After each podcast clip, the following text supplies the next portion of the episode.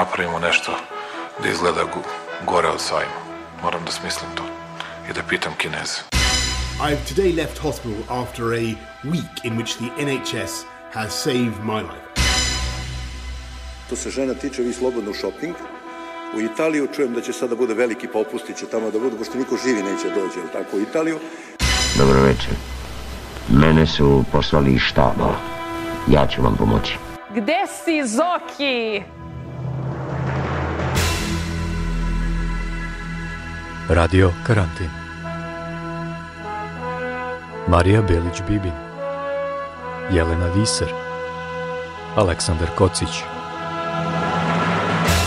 Veliki pozdrav svima, dobrodošli u podcast Radio Karantin. Ovo je druga emisija u kojoj ćemo pokušati da malo više shvatimo šta nam se tokom pandemije koronavirusa dešava, kako ona utiče i menja različite aspekte naših života i da ponovo promislimo neku od verzija postpandemijske budućnosti.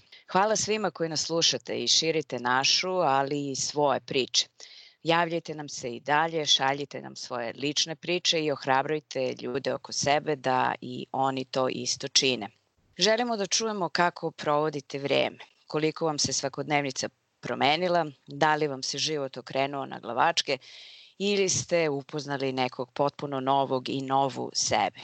Podelite sa nama ko i šta vam nedostaje, šta vas rastužuje i ljuti, a šta ohrabruje i zasmejava. Osim na SoundCloud stranici, možete da nas pratite i na Facebook stranici podcast Radio Karantin i da nam pišete na radiokarantin.podcast at gmail.com. Ista ekipa je sa vama i ovog puta. Moje ime je Jelena Fiser i pozdravljam vas iz Utrehta. U Novom Sadu je Marija Belić-Bibin. Pozdrav svima! U Glazgovu Aleksandar Kocić. Pozdrav svima iz neobičajeno sunčanog Glazgova. Naš gost u ovoj emisiji profesor financija na Univerzitetu u Wiesbadenu, Raša Karapandža, koga osim po stručnosti iz oblasti financija, znamo i po tome da je akademskoj i široj javnosti predstavio dokaze o tome da je doktorski rad Siniše Malog plagijat. Sada već čuvena ona njegova izjava da je Siniša Mali doktor isto koliko i doktor Dre ili doktor Nele Karajlić. O tome malo kasnije, a za početak profesore, dobrodošli. Bolje vas našao i pozdrav svima. Kako ste? Kako se nosite s pandemijom? Pa znate kako, dobro, ne mogu da kažem da, da mi je loše, radim više nego ikada, nažalost, pošto kraj je semestra na dva univerziteta gde predajem, onako dosta intenzivno, dosta intenzivno provodim poslednjih nekoliko nedelja, da kažem danima nikad kraja, ali van mnogo posla, mislim, svi smo mi prošli kroz svašta, uključujući i mene, tako da ne podnosimo ovo pretredano teško.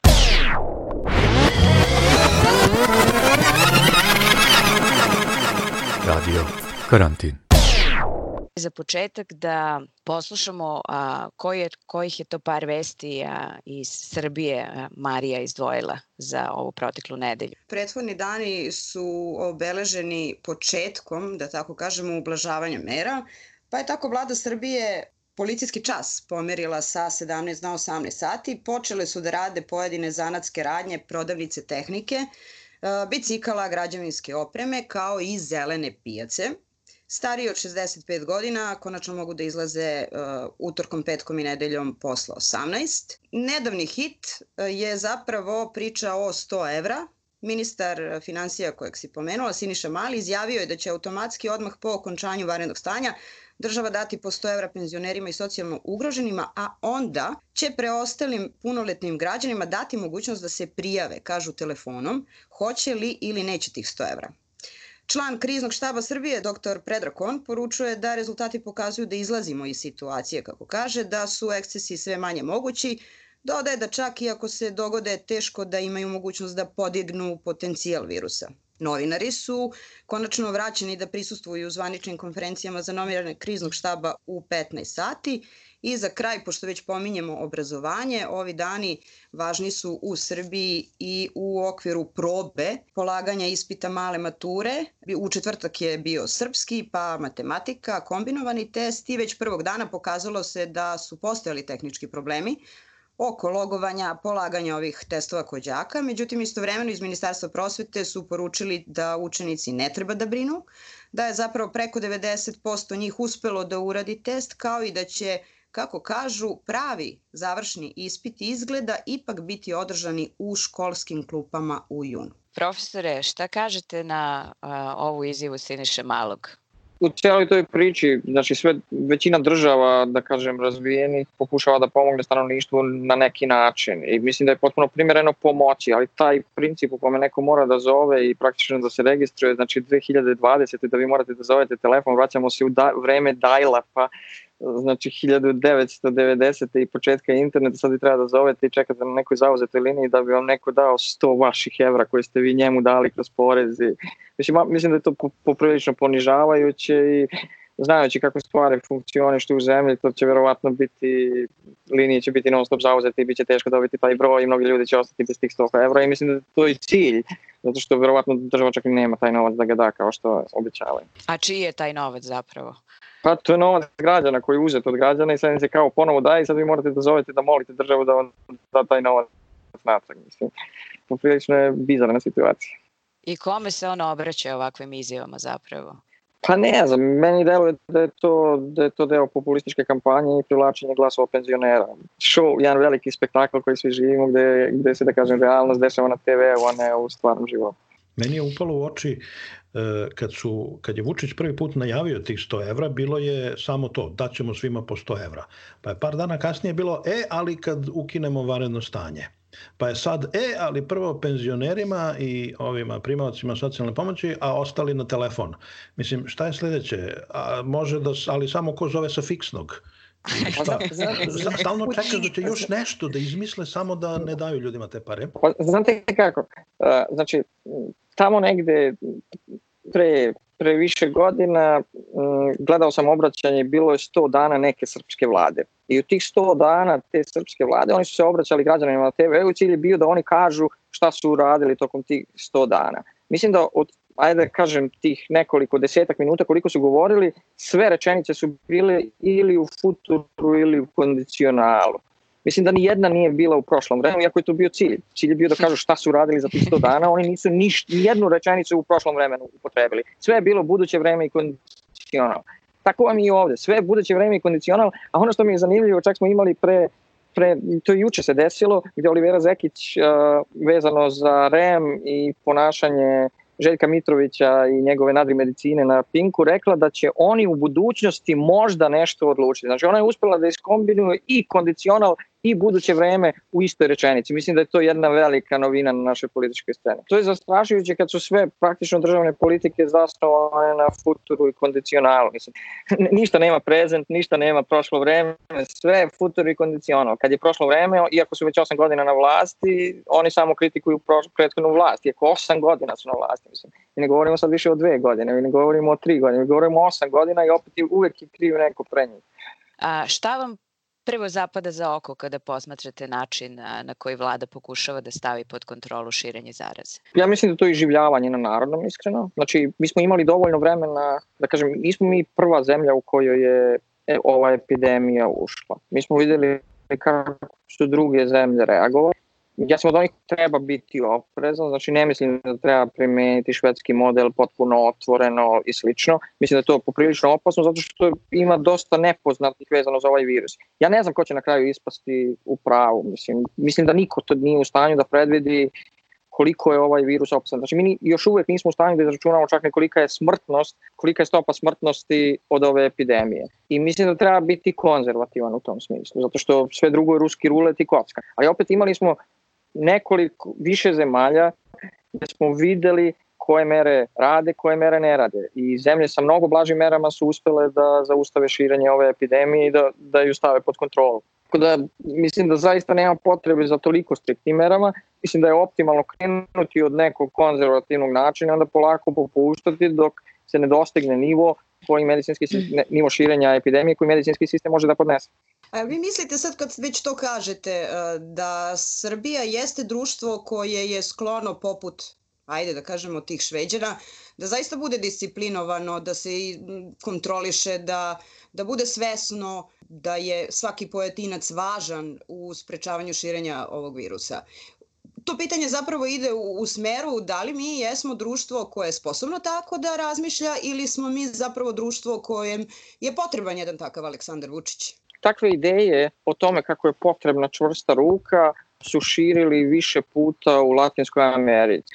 Ja ne mislim da smo mi bilo šta, bilo, na bilo koji način posebni. Ja mislim da smo mi ono u najgorem slučaju prosek svetski. Znači ja ne mislim da smo mi mnogo loši od svetskog prosjeka, čak po mnogim parametrima kao društvo smo iznad svetskog prosjeka. I onda govoriti da nama treba ne znam kakva diktatura u poređenju sa drugim zemljama, to jednostavno nije tačno. Mislim, ja, ja u to ne veram. Pa da li to onda znači da zapravo državni vrh ne veruje svom sobstvenom narodu? Pa ne, ja samo mislim da oni zloupotrebljavaju trenutnu situaciju za neke sobstvene interese. Koji su to, ja to zaista ne znam, mislim, to, to je špekulacija, ali znači ja zaista ne mislim da postoje potrebe za, pa što ćemo i videti uskoro, znači ja verujem da će oni, čak i oni krenuti da popuštaju te mere i da ćemo videti da toliko strikte mere zaista nisu neophodne da bi se zaustavilo širenje ove epidemije. Ova epidemija jeste veoma zarazna, ovaj virus se veoma lako širi, ali to ne znači da svi treba da sede u kući 24 časa na dan. Mislim, ako ćemo tako, hajmo svi u zatvor i onda to, to, to mi kao kada bismo se rešavali kriminala, kada bismo sve ljude stavili u zatvor i onda ne bi bilo kriminala. Da li mi želimo da živimo u takvom društvu? Evo nekoliko vesti sa regiona. Recimo, Ustavni sud Bosne i Hercegovine je nedavno donao odluku da a, su zabranom kretanja mlađima od 18 godina i starijima od 65 godina zbog epidemije koronavirusa prekršena građanska prava. Ustavni sud BiH zaključio je da su naredbama Federalnog štaba civilne zaštite od 20. i 27. marta prekršeni pravo na slobodu kretanja definisano Ustavom BiH, ali i Evropska konvencija o zaštiti ljudskih prava i osnovnih sloboda a u Sloveniji oko 90% službenika, javnih službenika, dobit će te neke stimulativne nagrade zbog zdravstvenih rizika i povećanih radnih napora kojima su izloženi za vreme epidemije. To će biti neki prosek od 25% na osnovnu platu. Profesore Karapanđa, da li vi vidite um, neki zajednički imenitelj uh, zemljama bivše Jugoslavije kada je u pitanju način uh, na koji se tamošnje vlasti odnose prema pandemiji? Pa ja mislim da je ovo jako dobro pitanje i mislim da je veoma povezano sa prethodnim pitanjem. Ja mislim da mi ne treba da se poredimo sa Švedskom ni na koji način, pošto sličnost između naše zemlje i Švedske praktično ne postoji. Ono gde treba da se poredimo, to su verovatno zemlje iz okruženja. I ono gde mi vidimo da mnogo blaži oblici kontrole epidemije daju uspeha, to je na primjer Hrvatska. Hrvatska nam bukvalno drži čas iz toga kako uz blaže mere može da se mnogo efikasnije suzbije ova epidemija. Znači u Hrvatskoj ne postoje ni slične mere kao kod nas, a epidemija je praktično već pod kontrolom. Ali ono gde ja zaista mislim da će se zemlje drastično razlikovati po ishodu ove epidemije. Uopšte nije po tome koliki procenat populacije će na kraju biti zaražen. Mi znamo iz, da kažem, teorije epidemiologije i, i epidemioloških modela da kod ovako veoma zarazne a, bolesti kao što je ova, da, da bi se epidemija stavila pod kontrolu, potrebno je da manje više otprilike tri četvrtine populacije postane imuno. Jer kad tri četvrtine populacije postane imuno, epidemija će prestati da se širi. To može da se postigne na dva načina. Jedan je kroz vakcinaciju, a drugi je možda kroz to da se svi mi zarazimo i onda postignemo imunitet. Sad, pitanje je koliko taj imunitet traje. Znači, mi uopšte nismo sigurni da ta da kod ovo konkretno virusa taj imunitet će trajati i da ćemo mi moći da postignemo tu, da kažem, kako to nazivaju imunoskrda, zato što ako imate dovoljno imunih ljudi, onda epidemija se ne širi tako lako. Ali ono gde ćemo se mi kao zemlje razlikovati, gde je zaista bitna uloga, uloga država, kako u regionu, tako i šire, je po broju umrlih i zaraženih medicinskih radnika, po broju umrlih i zaraženih drugih, da kažem, ljudi koji su bitni u kontroli i sprovođenju mera, epidemioloških mera. I tu mi drastično otkač, otkačemo od regiona. Pazite, još sredinom januara je bilo potpuno očigledno da ovo postaje ozbiljan globalni problem. Sredinom januara je već bilo jasno da, da, da mi gubimo kontrolu na time. Početkom februara je bilo očigledno, tada smo već imali to u komšiluku. Epidemija je već stigla u komšiluk početkom februara. Mi smo imali vladu koja se sprdala sa time na svim mogućim kanalima, organizovano tabloidima, državnim televizijama, svim državnim medijama. Oni su se sistematski sprdali sa tim virusom, organizovali predizborne mitinge, umesto da su pripremali medicinsko osoblje. Vi ste već tada u februaru ste imali šefa intenzivnih klinika na severu Italije koji je davao jasne instrukcije šta treba raditi, kako treba medicinsko osoblje da se priprema, kako trebaju da pripremaju protokole za, za tretman tih pacijenata i prijem tih pacijenata, kako je jako bitno na koji način vi primite tog pacijenta, koga primiti u bolnicu, koga ne primiti u bolnicu, kako testirati, kako ne testirati, kakvi tretmani. Mi smo u to vreme imali predizborne mitinge i sprdnju na državni medij. Ako već upoređujemo zemlje u regionu, pre svega Hrvatsku i Srbiju, da li su ove mere, odnosno različitost, razlike u ovim merama koje su uh, uvedene u Srbiji i Hrvatskoj, odraz instinkta vlasti ili su odraz uh, svesti u vlasti o tome s kakvim uh, zdravstvom raspolaže? Jer sam ja negde pročitao zanimljivu tezu, koja je za sad samo teza, naravno, da vlasti u Srbiji vrlo dobro znaju sa koliko lošim zdravstvom raspolažu i ulaze u ovu bitku i da je stanje u zdravstvu u Hrvatskoj daleko bolje? Znači, zaista ne znam, morao bih da pogledam brojke da bih mogao zaista tačno da odgovorim na to pitanje. Ne sećam se da su brojke što se tiče kapaciteta u zdravstvu drastično različite u Srbiji i Hrvatskoj. A razlike u merama jesu drastične. A ono što mi posmatramo je da su posledice tih mera zaista mnogo bolje u Hrvatskoj nego kod nas. Ono što vidimo je da mi imamo ubedljivo rekordno najviši broj zaraženog medicinskog osoblja. To znači da to medicinsko osoblje nije bilo pripremljeno. To je znak manjka pripreme u upotrebi maski, u posjedovanju maski, u upotrebi hazamatodelja, u, po, u odela, u posjedovanju hazamatodelja itd. itd. Znači ono što želim da kažem je stvari pripreme medicinskog sistema. Znači ne treba vama, ne znam, ne trebaju vama respiratori da biste vi za, zaštitili vaše medicinsko osobe. Verujem da smo svi proživjeli ili proživljavamo gotovo parališući osjećaj nemoći pred količinom informacija i to u potpuno izmenjenim životnim okolnostima.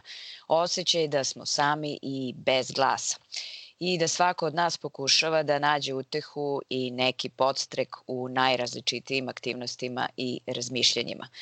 Podcast Radio Karantin u svakoj epizodi deli neku od za vaših ličnih priča i ovog puta sa nama je Mirza Ramusović, advokat iz Novog pazara. Meni se rutina, svakodnevna rutina u potpunosti promenila sa, sa ovom novonastalom situacijom. Ja se inače radim kao advokat, radim kao advokat u Novom pazaru i trenutno su svi sudovi u Srbiji na stand-by-u.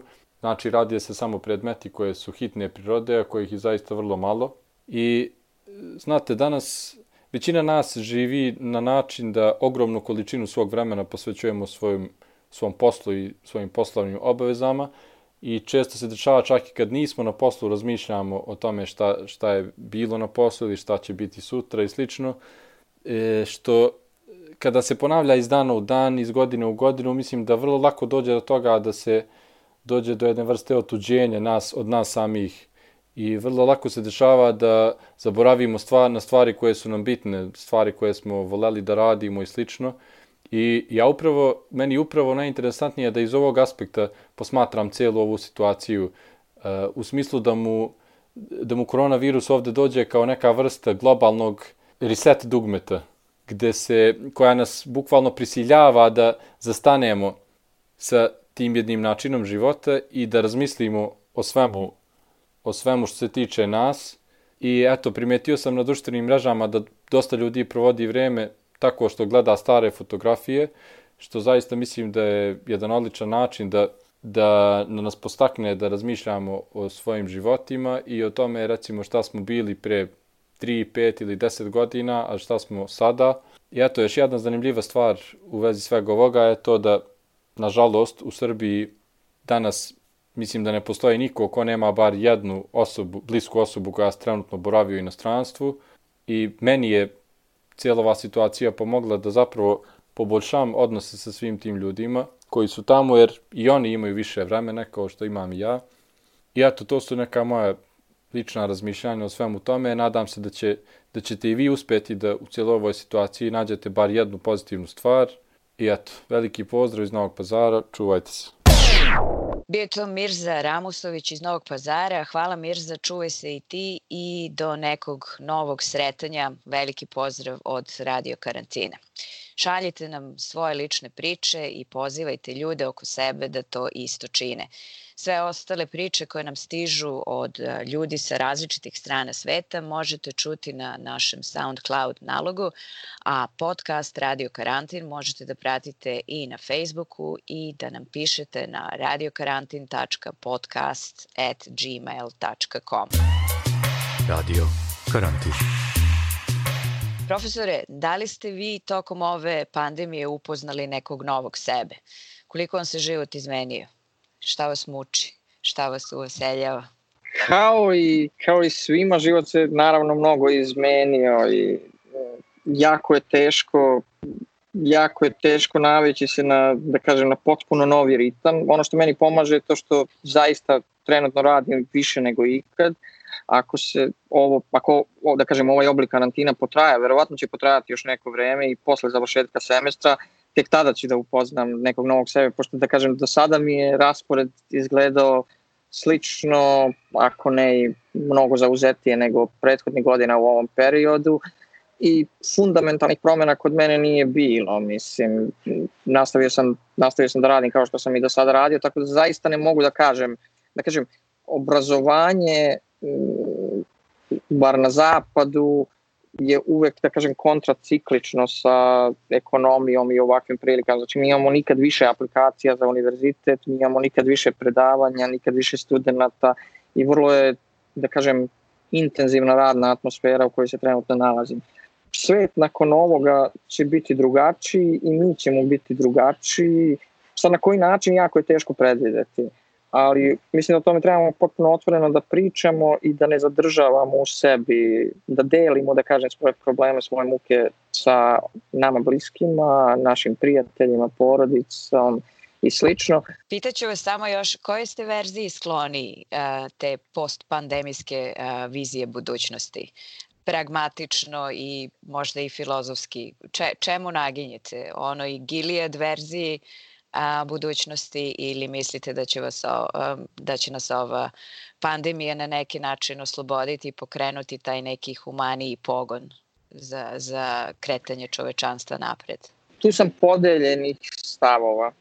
Evo da pokušam da, da, da sumiram moje stavove.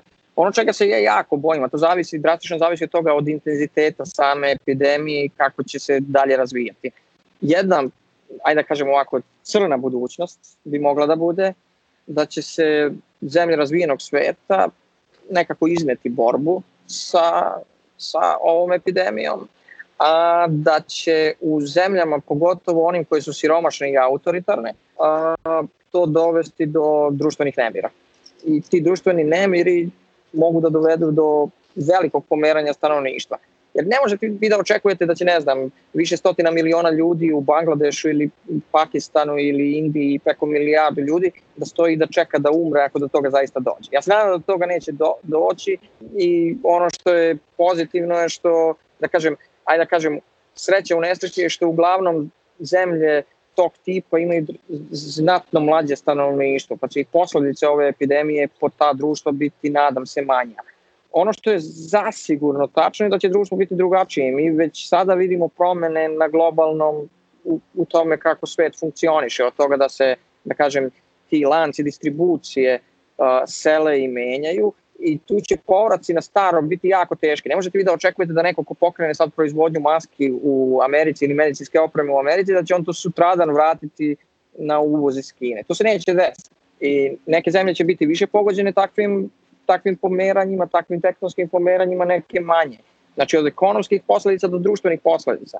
A ono što je meni zastrašujuće, što trenutno gledam i što se nadam da će dovesti do, do da kažem, nekog humanijeg pristupa na nekom nivou, su, na primjer, scene iz Madrida, gde vi vidite da u nekim siromašnijim četvrtima Madrida roditelji zahtevaju od vlasti da pokrene ponovo škole i razlog je zato što uh, deci, uh, njihovoj deci pre epidemije gotovo jedini pristojan obrok koji su imali bio taj obrok koji su dobijali u školi. Mislim da je, da je, da je kombinacija siromašna zemlja sa autoritarnim režimima, da je to ono recept za propast. I to gledamo trenutno u to gledamo trenutno u Iranu gde ste bi mogli da vidite scene gde ljudi pale bolnice, gde kada u nekom malom gradiću država odluči da prebaci zaražene tamo, građani tog gradića zapale celu bolnicu. Autoritarni režim plus siromaštvo u ovoj situaciji je bukvalno recept za propast. E, spomenuli ste škole. E, ovde u Britaniji jedna od dobrih stvari koje su vlasti uradile je da su škole ostale otvorene. E, velika većina dece ne ide u školu, ali još uvek oko 100.000 klinaca ide u školu svakodnevno ja kad šetam sa prolazim pored jedne škole i dalje vidim decu na igralištu sa tu par nastavnika. Škole su otvorene pre svega za decu siromašnih, baš zbog toga što se deca hrane u školama i otvorena su za decu zdravstvenih radnika i drugih radnika zaposlenih u ovim e, najvažnijim službama, da oni ne bi morali da sede kod kuće.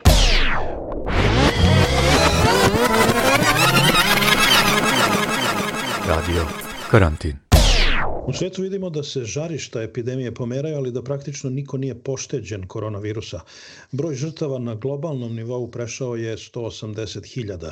Regionalni direktor za Evropu u Svetskoj zdravstvenoj organizaciji izjavio je da prema njihovim procenama polovinu smrtnih slučajeva na starom kontinentu čine štićenici gerontoloških centara. On je to nazvao nezamislivom ljudskom tragedijom. Ipak svima je jasno da ovako ne može još dugo i da je izlazak iz karantinskih mera neminovan. Ali ni političari ni eksperti ne mogu da se slože oko toga kako to izvesti. Vodeći medicinski savjetnik britanske vlade rekao je da će nekakve mere socijalnog distanciranja ostati na snazi bar do kraja godine i da je naivno očekivati da ćemo se preko noći vratiti na stari način života slobodno se može reći da ovo upozorenje, pretpostavljam, ne važi samo za Britaniju. U Nemačkoj i još nekim evropskim zemljama počelo je sa kakvim takvim povratkom u normalu, a evo sad i pojedine savezne države u e, Americi ublažavaju mere. Predsednik Trump je umeđu vremenu doneo ukaz o suspenziji useljavanja u SAD. Ova mera kojom vrata u SAD ipak nisu u potpunosti zatvorena trebalo bi da traje 60 dana, ali su Trumpa politički protivnici već optužili da preko epidemije pokušava da progura nešto što je u suštini njegova stara politička ideja. Za to vreme vodeći ekonomista Agencije za rangiranje kreditne sposobnosti Fitch kaže da svet ide u najveću recesiju od drugog svetskog rata. Jedan od pokazatelja pada ekonomske aktivnosti ovih dana bio je nezapamćeni pad cene nafte, toliki da su proizvođači plaćali kupcima da uzmu naftu kako bi se oslobodili skladišteni e, kapaciteti prenatrpani zbog toga što je potrošnja nafte drastično opala. Profesore, od čega strepite vi kada razmišljate o ekonomskom poredku? Znate kako, ne mogu da kažem da strepim, ja sam optimista što se, što se budućnosti tiče. Mislim da ono ljudska vrsta je previše od 50 godina otišla na mesec i vratila se. Sada će neki da me napadne da kažu da to nije istina. Tako da ja verujem da ćemo se mi na ovaj ili na onaj način sa time izboriti. Mislim, ne znam, ljudi se naviknu na ljudi se naviknu zaista na, na razne modele života i ja ne mislim da ćemo se mi vratiti u normalu dok ne bude vakcine, odnosno u normalu kakvu, kakvu poznajemo. Znači dok ne pronađemo vakcinu, odnosno ja zaista verujem ono nauka će nas u ovom slučaju zaista spasiti. Ja ne verujem da ćemo se vratiti u normalu, a da li ćemo se vratiti u neku normalu, neku novu normalu i to verujem. A ta neka nova normala će se sastojati iz maske koja će postati naša svakodnevica do pažljivijeg ponašanja, držanja društvene distance itd. itd. Izgleda u Švedskoj a, držanje a, i vlasti i naroda mnogo opuštenije nego u ostatku Evrope. Midica Milovanović, profesorka španskog u Stokholmu, daje nam, šalje nam svoju švedsku priču, najavljuje provod za, sjajan provod za svoj rođendan sledeće nedelje. Vreme korone provodim u Stokholmu, gde radim kao nastavnica u B škole, u osnovnoj i u srednjoj. Srednje škole u Švedskoj rade online, ali osnovne škole su i dalje otvorene. Ja radim tri dana nedeljno u jednoj državnoj školi koja pripada opštini Stokholm. Od nas se očekuje da radimo potpuno normalno, kao da se ništa ne dešava. Iako se istovremeno na sve ostale građane apeluje da rade od kuće, da ne putuju i da drže ostojanje jedni od drugih. S druge strane, zaposleni u školama se drže preporuka Agencije za javno zdravlje da svi koji imaju simptome prehlade, kašalj ili povišenu temperaturu ostanu kod kuće. Iz tog razloga su mnogi nastavnici na dužem ili kraćem bolovanju, a oni koji su na radnom mestu moraju da rade iza svoje bolesne kolege. Upravo se to i meni dešava. Ja predam španski i imam koleginicu koja je već više od dve nedelje bolesna. Naime, danas saznam da se neće vraćati do kraja školske godine. To praktično znači da ja moram u svoju učionicu da primim i njene đake i u ovo vreme kada bi trebalo da budemo na što većoj udaljenosti jedni od drugih, dešava se upravo suprotno. To jest da u učionici u nekim slučajevima imam i preko 25 đaka, a u teoriji bi ih moglo biti i više. Sve u svemu, osnovne škole u Švedskoj su i dalje izuzetak u odnosu na većinu ostalih sektora u zemlji. Od one dece koje nemaju nikakve simptome prehlade, očekuje se da dolaze u školu čak i ako su bili u dodiru sa virusom ili žive sa nekim koji je karantinu. Istovremeno u školi niko ne nosi masku, a menza je i dalje otvorena. Ja lično mogu sebe da zaštitim tako što nosim svoj ručak od kuće, međutim kada je reč o zaštiti od eventualnog prenosioca zaraze u učionici i hodnicima, to je već teže. Što se tiče ostalih životnih situacija van škole, Sebe štitim tako što ne koristim javni prevoz i tako što ne idem u kafiće i restorane koji su u Švedskoj i dalje otvoreni i prilično posećeni. Imam tu sreću da živim na 5 minuta od velikog nacionalnog parka sa nekolicinom jezera, pešačkim stazama kroz šumu i mestima za piknik.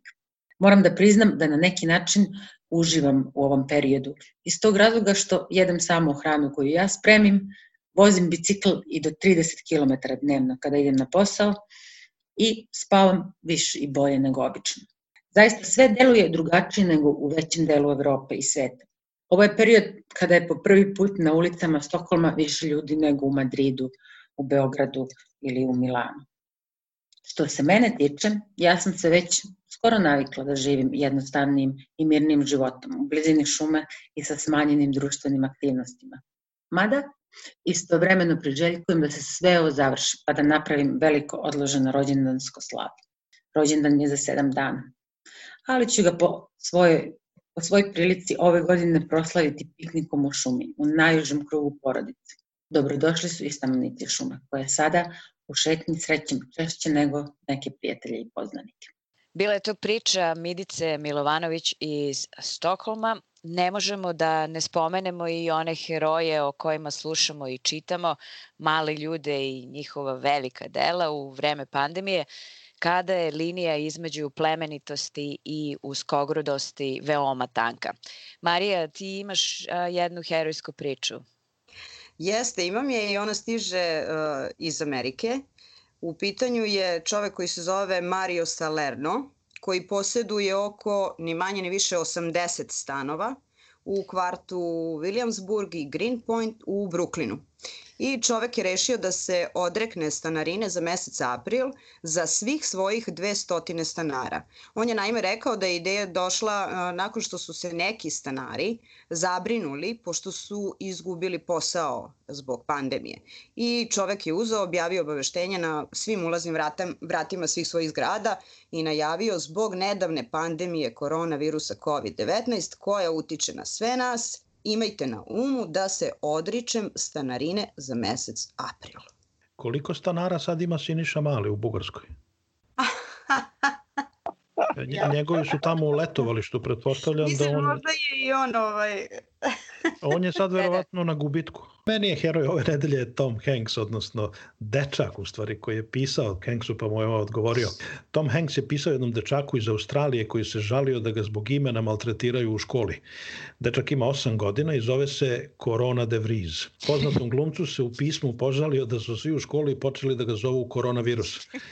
I e, Tom Hanks mu je odgovorio pismom i poslao poklon pisaću mašinu marke Corona koju je koristio dok je bio u karantinu u Australiji. Tom Hanks i supruga su se umeđu vremenu vratili u Ameriku. Hanks je rekao da a, ovom dečaku da je on jedina osoba na svetu za koju zna da se zove korona i da ga uteši dodao da je to kao prsten oko sunca i kao kruna.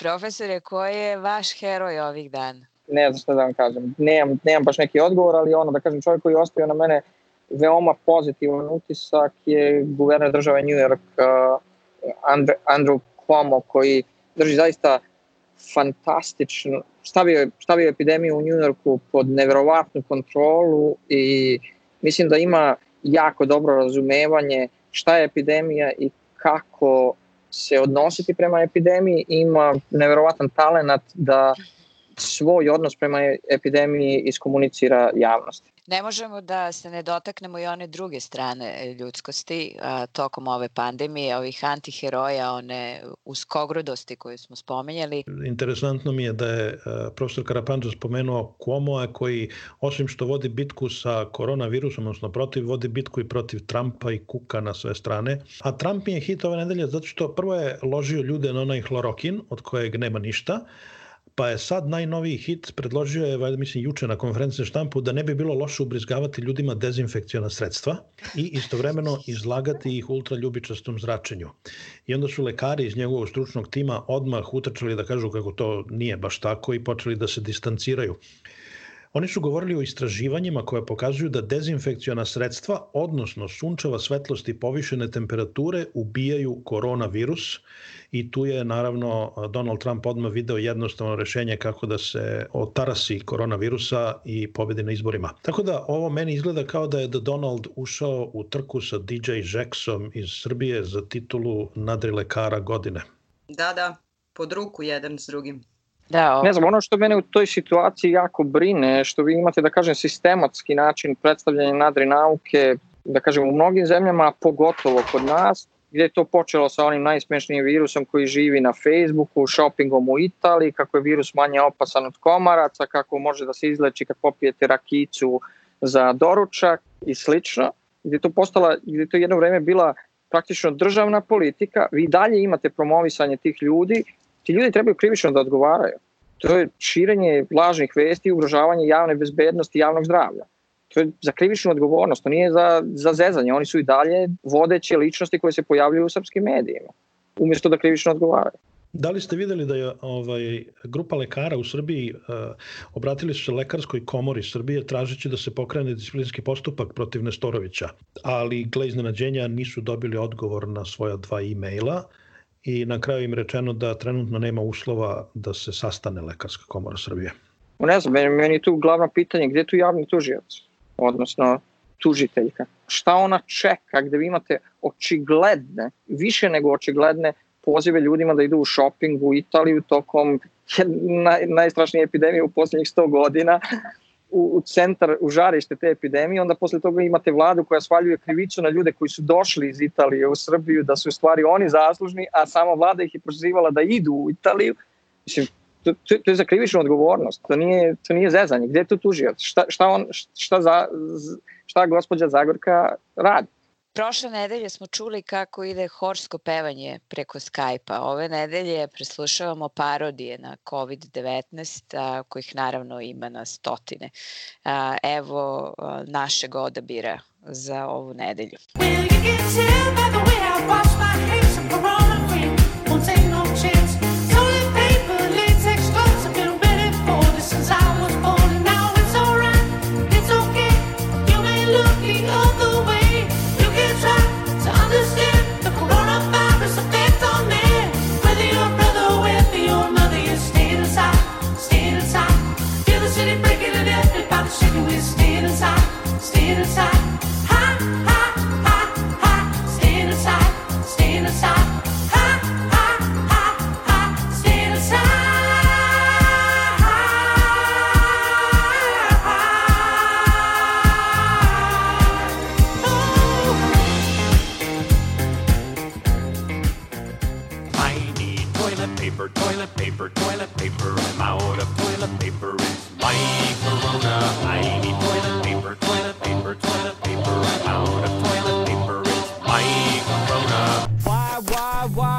this happen? I don't know. A virus out of control, can't go anywhere. Stuck in my house, people need health care. We're shut down. Everything's closed. Don't touch your face or you might get exposed. Stay safe.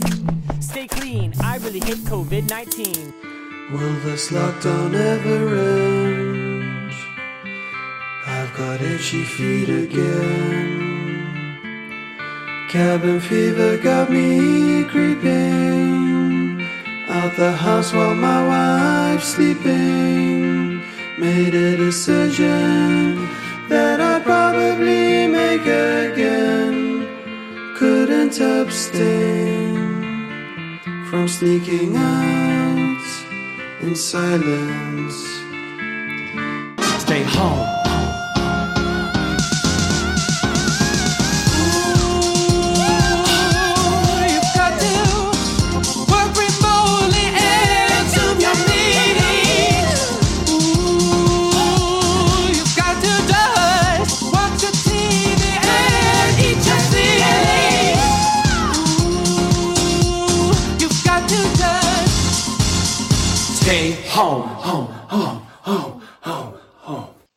Delu emisije razgovaramo sa profesorom Karapandžom o ekonomiji i obrazovanju. Krenut ćemo sa izjavom ministra financija Siniša Malog kako će po proceni MMF-a Srbija biti broj 1 u Evropi. I da je dobra vest da Međunarodni monetarni fond predviđa kako će Srbija sledeće godine imati rast od čak 7,5%, dok će globalni rast u proseku biti 5,8% kaže Mali, a predsednik Srbije Aleksandar Vučić izjavio je da će Srbija imati najbolju ekonomiju u Evropi ove godine, a sledećemo, sledeće ćemo biti najbolji sa najvišim pozitivnim rastom. MMF kaže da će taj rast iduće godine biti 7,5%, a ja očekujem do 9, kaže Vučić. Profesore, koliko su ova predviđanja realna i šta mislite na čemu ih Mali i Vučić zasnivaju? Znate šta, to vam je opet, opet govorimo o futuru.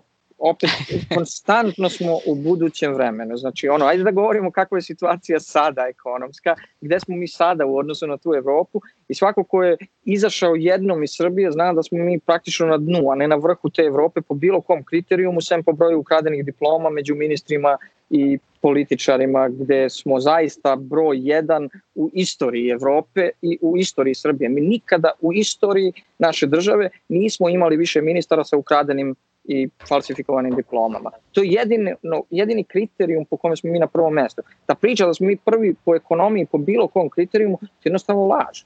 Da ćemo biti prvi po bilo kom kriterijumu, to je laž. Imate saznanja o tome koliko i a, gde se sad, očito sve se vlade sada zadužuju, iznalaze sredstva iz a, raznih a, resursa, gde i koliko se vlada Srbije a, zadužuje dodatno sada tokom ove pandemije. Pa moram da kažem da nisam pratio u detalje, trebao bih da proverim te podatke pre nego što kažem nešto veoma konkretno. Ono što sam video je da su se zadužili poslednji puta pod kamat, uz kamatu od 3,5%, a mogli su u isto vreme da dobiju zajmove od nekih velikih međunarodnih organizacija ispod 1%. Tako da ne shvatam koja je tačna svrha uzimanja kredita pod većim kamatama od onih koje možete da uzmete. Mene je mama pitala pre neki dan kad sam rekao evo ovam u Evropi to su već cifre od kojih vam se zavrti u glavi 750 milijardi evra tržne da je ovamo 2 triliona u Americi. Prosto pitanje je odakle te pare? Velikim ekonomijama uopšte nije problem da dođe do, do novca. Da kažem, velike ekonomije poput Amerike, oni mogu u svakom trenutku da oštampaju više dolara i potražnja za dolarima postoji. Male ekonomije, koje, da kažem, koje nisu valute koje, se, koje imaju valute koje se ne koriste na međunarodnom tržištu, to jednostavno nije opcija. Znači mi ne možemo da našnucujemo dinara koliko nam treba. Tako da za velike ekonomije, da kažem, u čije poslova, poslovanje u budućnosti postoji veliko poverenje tržišta, njima zaista nije problem da se zadrže. Vi trenutno imate za većinu tih najrazvijenih zemalja da su čak kamate na kredite pod kojima se oni zadužuju negativne, što znači da Nemačka sada ako pozajmi milijardu evra, za godinu dana mora da vrati manje od milijardu evra. Znači toliko je poverenje tržišta u to da će ekonomija Nemačke ponovo stati na noge. To zvuči, da kažem, neintuitivno, jer zašto bi neko dao novac Nemačkoj državi, a da dobije manje za godinu dana. Znači, čak nominalno manje, ne, nema veze sa inflacijom. Znači, dobit će manje novca za godinu dana. A i to vam govori da tržište više veruje u to da će opstati nemačka ekonomija nego sam evro. Ali odakle te milijarde? Kad kažete Nemačka može lako da se zaduži, da pojasnimo i sebi i slušalcima kod koga da se zaduži? Su to da kažem, privatni investicioni fondovi, ili su to takozvani suvereni fondovi, ili to države pozajmljuju jedne drugima, ili su to međunarodne institucije ili sve pomalo? Pa, ima svega pomalo, od velikih penzionih fondova do velikih suverenih fondova poput Norveške, Singapura, Emirata i slično, pa do, pa do samih građana. Znači, građani imaju o, takođe novac i građani takođe investiraju što privatno, što kroz penziona, osiguranja i, i slično.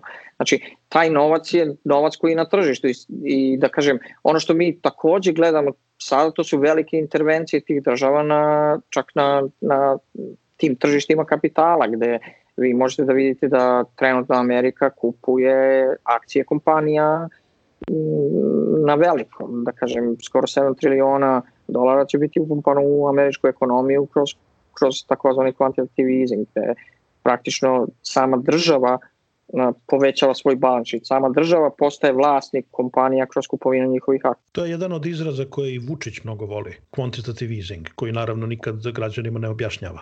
Pa to u Srbiji nikad nije ni upotrebljeno koliko ja znam. Znači ja nikada, koliko znam, Srbija nije upotrebljavala quantitative easing. Quantitative easing je u stvari termin koji se koristi kada država na tržištima kapitala, na berzama, kupuje akcije kompanija i postaje vlasnik tih kompanija na neki način. I to smo videli 2008. 2008. američka država je kupila akcije novih kompanija i na kraju čak i zaradila na tome. Zato što su cene tih akcija skočile i onda ih je posle država prodala i počela je da prodaje te akcije polako, postepeno, nakon velike ekonomske krize 2008. U osnovi su sve balkanske zemlje pokrenuli ili najavile smanjivanje referentne kamante stope, osnivanje raznih fondova za likvidnost firmama, isplatu minimalnih zarada ugroženim radnicima, odlaganje plaćanja poreza i doprinosa, a Severna Makedonija je otišla korak dalje i donela je i paket pomoći za nezaposlene i one koje rade na, i one koje rade na sivo.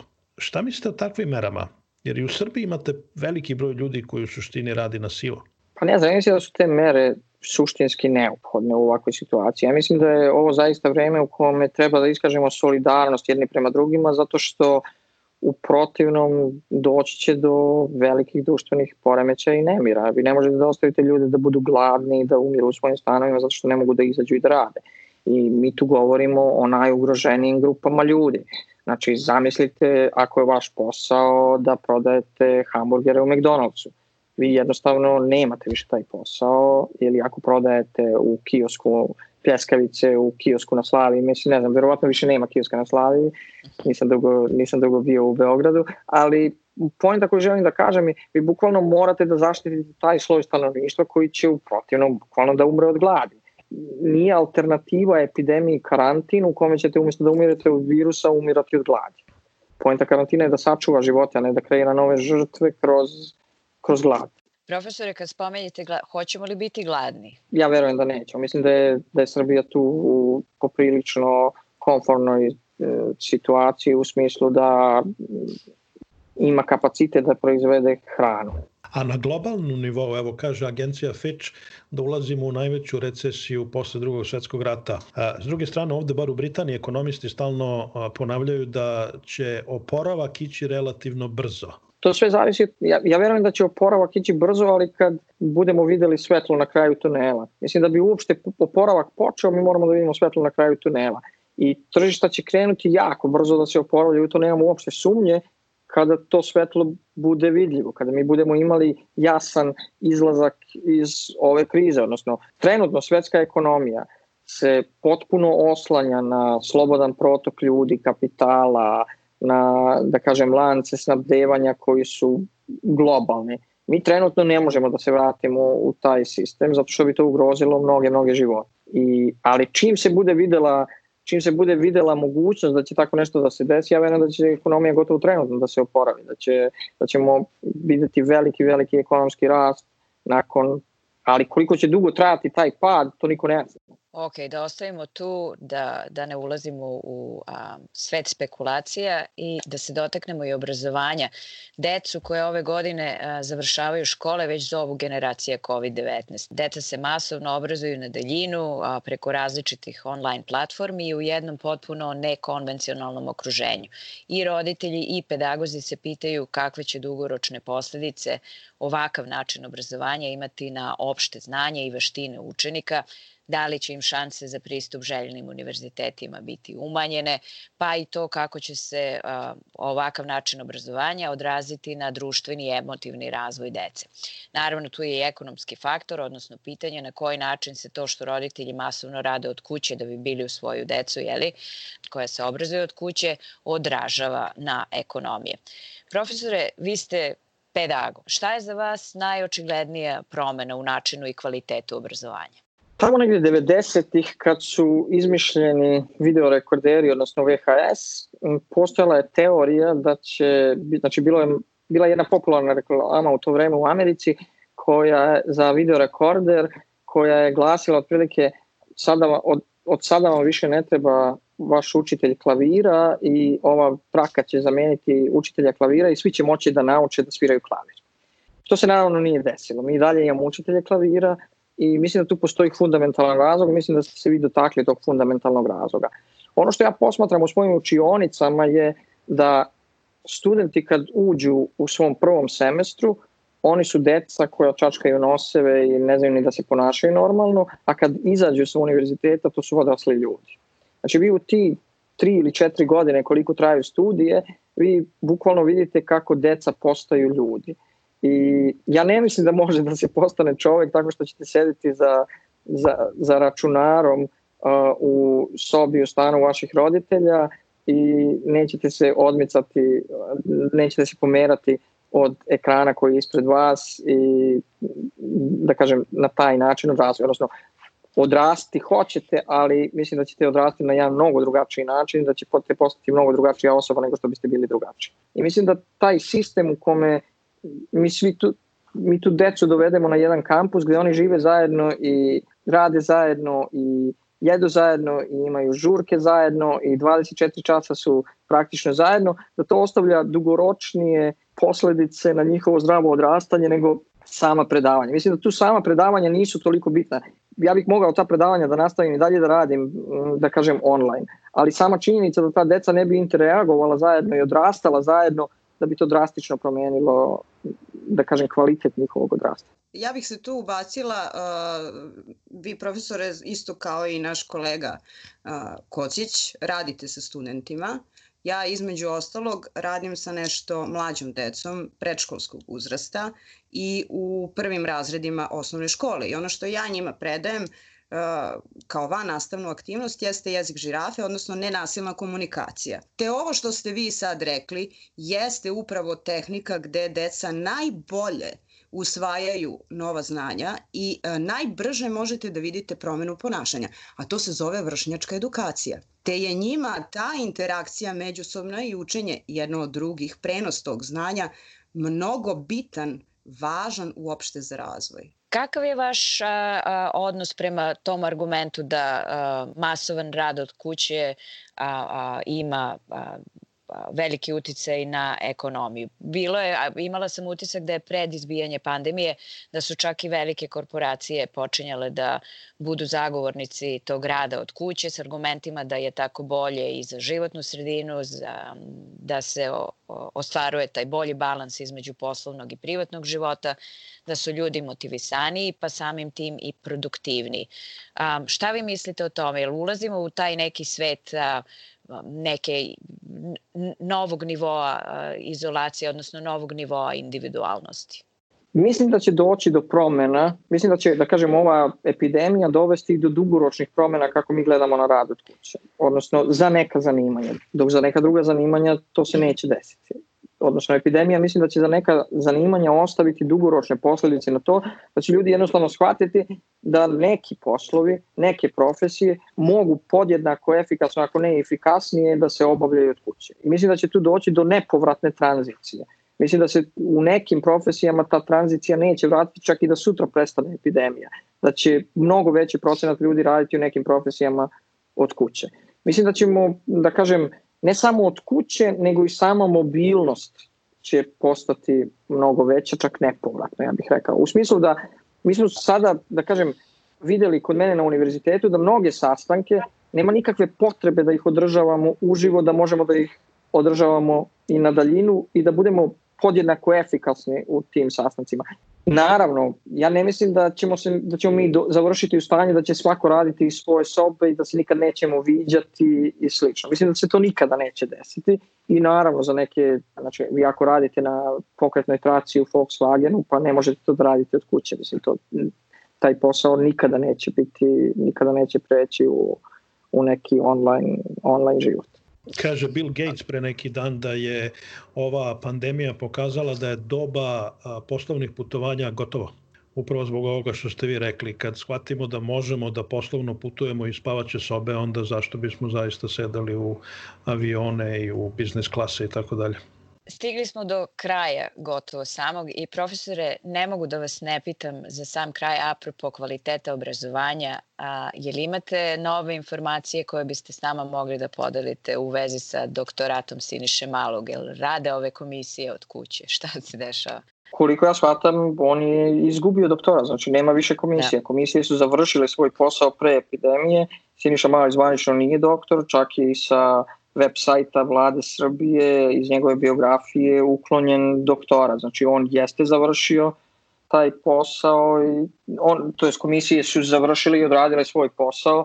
Trebalo im je doduše pet i po godina, što je godinu i po dana više nego u Zimbabveu za ženu predsednika Zimbabvea koja je bila u sličnoj situaciji. Tamo su nakon četiri godine oduzeli doktorat Grace Mugabe, nama je trebalo pet i po godina, znači ne možemo da baš da se pohvalimo brzinom, ali doktorat je na kraju oduzet. Koje su posledice toga? Mi posledice toga sem izmene na web sajtu vlade Srbije suštinski ne vidimo.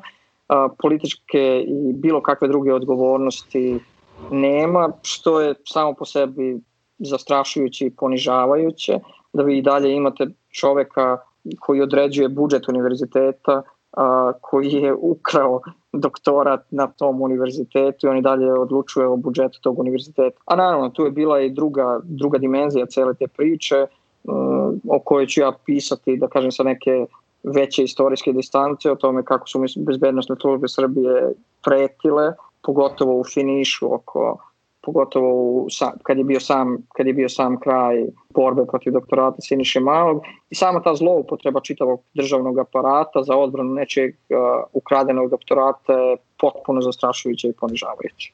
Jel možete ovde neke sitnice da nam otkrijete? Pa o tome ću zaista pisati sa neke, sa neke veće istorijske distance, pošto treba i meni da se, da se slegnu te, te misli u glavi i da sve to isprocesuiram, da kažem. A, ono što su neke od činjenica je da je i ambasada Srbije u Berlinu dobila protestno pismo od strane Nemačke usled toga. Naravno, o tome niko ništa nije obavestio javnost, ali ono, da kažem, dajte mi neku godinu ili dve da, da, da mi se malo saberu misli pa ću o tome više da govorim. A u svakom slučaju, ja mogu samo da vas na kratko pitam, vi ste rekli da konkretnih nekih posledica po Sinišu malo, ok, njemu je oduzet doktorat, ali on je i dalje ministar, on odlučuje o budžetu uh, obrazovnih institucija i tako dalje, ali zar ne mislite da ste ipak uh, napravili jedan bitan pomak uh, svojom akcijom i da će novi uh, funkcioneri i političari koji razmišljaju o kupovini diploma sada ipak malo više da razmišljaju? Pa mislim da se ne radi tu samo, ja mislim da je pomak napravljen i ne mislim da se tu radi samo o političarima. Znači, pazite, kao, kao odgovor na, na tu moju borbu protiv doktorata, Univerzitet u Beogradu kao naša najstarija visokoškolska ustanova je po prvi puta donela uopšte pravilnik kako postupati u slučaju da je neko optužen za, za da kažem, za plagijat u, u, u svojim doktoratima, diplomskim radovima, magistarskim radovima, nebitno. I ono što smo mi već videli, a o tome naravno se malo priča, da je po tom pravilniku procesuirano već više ljudi. Znači to vi nećete vidjeti u medijima da su čak i dvoje profesora izgubili svoje doktorate u međuvremenu. Tako da ono, mi vidimo posledice. Sad te posledice se javnosti ne prikazuju zato što država ima potpunu kontrolu nad medijima i naravno da neće da propagiraju da je kao posledica ministra ministrovog gubitka doktorata, odnosno celog tog procesa, došlo do donošenja novih pravilnika koji zaista imaju društveno pozitivne posledice. To nećete vidjeti u medijima zato što su mediji naravno pod potpunom kontrolom države i njima to nije u interesu da tako nešto prikazuju i reklamiraju. Znači, ja mislim da je to zaista donelo do boljitka obrazovnog sistema u Srbiji na jedan sistematski način da će ostaviti dugoročne posledice. Hvala vam najlepše na ovom razgovoru. Budite dobro, zdravo i srećan rad. Hvala vama na pozivu i bilo mi je zadovoljstvo da razgovaram sa vama i da se obratim vašim slušateljima. Hvala i vama koji nas slušate. Tu smo i sledeće nedelje. Šaljite nam svoje lične priče sa bilo koje tačke sveta. Pratite nas na Soundcloudu, na Facebook stranici podcast Radio Karantin i pišite nam na radiokarantin.podcast@gmail.com. I naravno širite dalje. Sa vama i ovog puta tročlana novinarska ekipa U Novom Sadu Marija Belić-Bibin, u Glazgovu Aleksandar Kocić, moje ime je Jelena Viser i pozdravljam vas iz Utrehta, a u Pančevu naša tehnička podrška Ivan Tomić. Budite zdravi i čuvajte se, budite poletni i hrabri, a ako ne ide, vi probajte opet. Pozdrav svima.